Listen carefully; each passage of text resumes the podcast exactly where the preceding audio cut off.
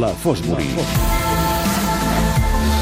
I com cada dia estem pendents de tot el que passa al Dakar i avui a la Fosbury mirarem de descobrir els orígens d'aquesta prova que trau a tants pilots a casa nostra. El Roger sembla que estigui pendent, aviam de mm, cap on caurà la pilota per venir. Sempre està a punt eh, a rematar l'última passada. Bona nit, Roger, com estàs? Bona nit, Pere, molt bé. Avui et costarà sorprendre'm molt, perquè eh, els començaments del Dakar, no sé si els inicis, inicis, inicis, però sí els començaments els vaig viure molt, perquè aquesta casa va ser la, la primera emissora eh, que s'hi va abocar quan hi havia Terry Sabin, quan el Dakar uh -huh. era una aventura, quan no hi havia eh, ni GPS ni, ni hòsties, perdó de l'expressió, quan et trucava el Martí Tilla i t'explicava que hi havia un pilot que havia desaparegut i duia tres dies desaparegut i s'alimentava de la llet d'una camella.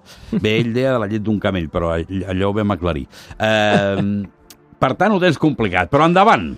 Endavant, context m'agrada que ja l'hagis fet tu, perquè així ja estem situats. Thierry Sabine és l'home doncs, que va lligat el seu nom amb l'impuls mm -hmm. del Dakar el 1979. És una prova relativament recent dins dels ral·lis, perquè hi ha ral·lis molt més antics, sí, sí, sí. moltes dècades abans, i nosaltres el que avui volem portar és la història prèvia a aquest Dakar. Per què Thierry Sabine té aquesta idea de fer un París-Dakar? Doncs això no ho sé, veus? M'agradarà. I aquí hi ha una història que diríem que és força interessant i que té un personatge, un protagonista que ha passat a la història com el gran oblidat, perquè, evidentment, sense ell jo diria que no s'entendria el París Dakar, que neix el 79, i, evidentment, el que ha anat doncs, derivant en aquests darrers anys. Ens hem de remuntar 10 anys abans, 1969, quan un senyor que es diu Jean-Claude Bertrand mm. eh, decideix deixar la seva feina. Ell era doncs, eh, un plantador de bananes, eh, portador de fusta, també plantava la patata clàssica del, de l'Àfrica, per tant, un treballador, un jornaler del camp, mm. i que decideix deixar aquesta feina per apostar pel seu somni. Ell era un aventurer, de vocació aventurer, per tant, mm. ens diga molt bé amb aquesta història que sí. acaba sent el Dakar. Ell li agrada molt el món del motor, i decideix que hi ha una prova que des del 1953 s'està organitzant, que es diu East African Rally, que és la prova més antiga que es disputa al continent africà, en honor a Isabel II i en una mm. història doncs, que avui no hi entrarem, però que era considerada com la prova més dura del món o més complicada del món en aquell moment, mm. ell decideix que ha de muntar alguna història més bèstia que allò. Ha de muntar alguna història que els pilots realment no és que ho passi malament, però sí que quan arribin a la, a la meta diguin, ostres, tu, que, que arribar sigui guanyar. Que una aventura autèntica, que visquin sí, una aventura. Arribar és guanyar. Arribar és guanyar. I a Costa d'Ivori, que és on ell resideix, doncs eh, decideix muntar, amb el recorregut que el país li permet, una prova doncs, que es diu Bandama, que neix al 69 i que el tercer any agafa tota la dimensió mediàtica del món, perquè és la primera prova que no aconsegueix completar cap pilot dels que hi participa. Per tant, cap pilot arriba a la meta i agafa tots els titulars de la premsa generalista d'arreu del món com el rally impossible perquè, evidentment, doncs, si ningú el pot acabar, és un rally impossible. Això li queda curt, és un cul inquiet, Jean-Claude Bertrand, i decideix provar altres coses. Tenia una fixació amb un rally clàssic, que era el rally de Monte Carlo. Ell adorava aquell rally, sempre l'havia seguit, i va decidir unir el seu país, Costa d'Ivori, amb aquell rally.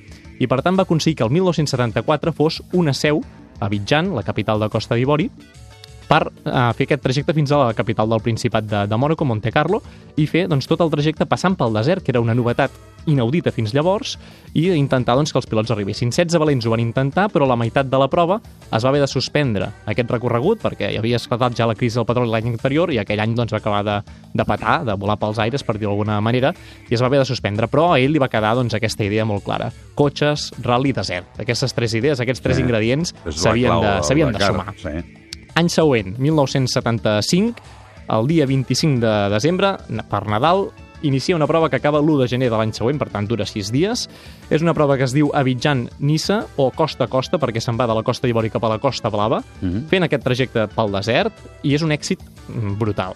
Funciona molt bé aquesta prova, diguéssim que és la inversió del París-Dakar que seria, perquè va mm. de, de sud a nord, per entendre'ns, sí. acaba, acaba continent europeu, i agrada molt per, pel seu recorregut, per aquesta vivència doncs, de, de fer l'aventura que ell havia buscat en els darrers anys amb altres proves, i que això sí que ho aconsegueix. L'any següent, 76-77, és on volia anar a parar, perquè aquesta mateixa prova mm, doncs, té eh, alguns eh, accidents, té algunes dificultats per molts pilots, especialment per un d'ells, que durant aquesta prova es passa 3 dies perdut en el desert, Mira. que sobreviu de forma miraculosa, que aconsegueix tornar en el, el recorregut, acabar la prova, i que doncs, s'endú una experiència a casa que no la pot oblidar. I d'ells hem parlat avui, es diu Thierry Sabin.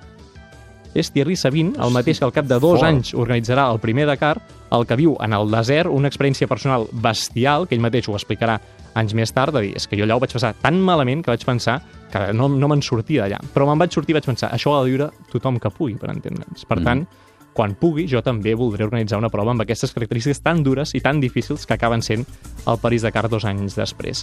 Jean-Claude Bertrand eh, no va tenir una bona relació amb Thierry Sabine perquè havien de muntar una cosa conjuntament Sí, però l'altre venia a fotre el 78-79, negoci. exacte, eh, és el que va passar. Ell volia muntar una història, eh, Jean-Claude Bertrand, que era el 5-5, és a dir, en un mateix any, una prova llegendària, havia de ser així, ja ho deia, ell mateix ho anunciava en aquests termes, que es fes als cinc continents. Per tant, una prova que no s'havia fet mai, i ho va organitzar, la va preparar, havia de sortir d'Àfrica, estaven tots els pilots allà, i què va passar? que es va haver de suspendre perquè part dels pilots doncs, van no tenir els recursos suficients, una part va fallar, i entre altres coses Thierry Sabine, diguéssim que li va fer la punyeta organitzant el mateix any el París-Dakar, la primera edició, i hi ha pilots d'aquella època, com Briabone, que era un dels pilots que participaven en aquesta prova, que va renunciar a participar al París-Dakar només perquè l'organitzava Thierry Sabine, que havia traït a Jean-Claude Bertrand en aquesta, en aquesta prova. Per tant, uns orígens, eh, diguéssim, curiosos, però que ens porten a pensar que Thierry Sabine, quan va muntar el primer París-Dakar, doncs tenia aquesta experiència de Jean-Claude Bertrand eh, força, força important i força interessant.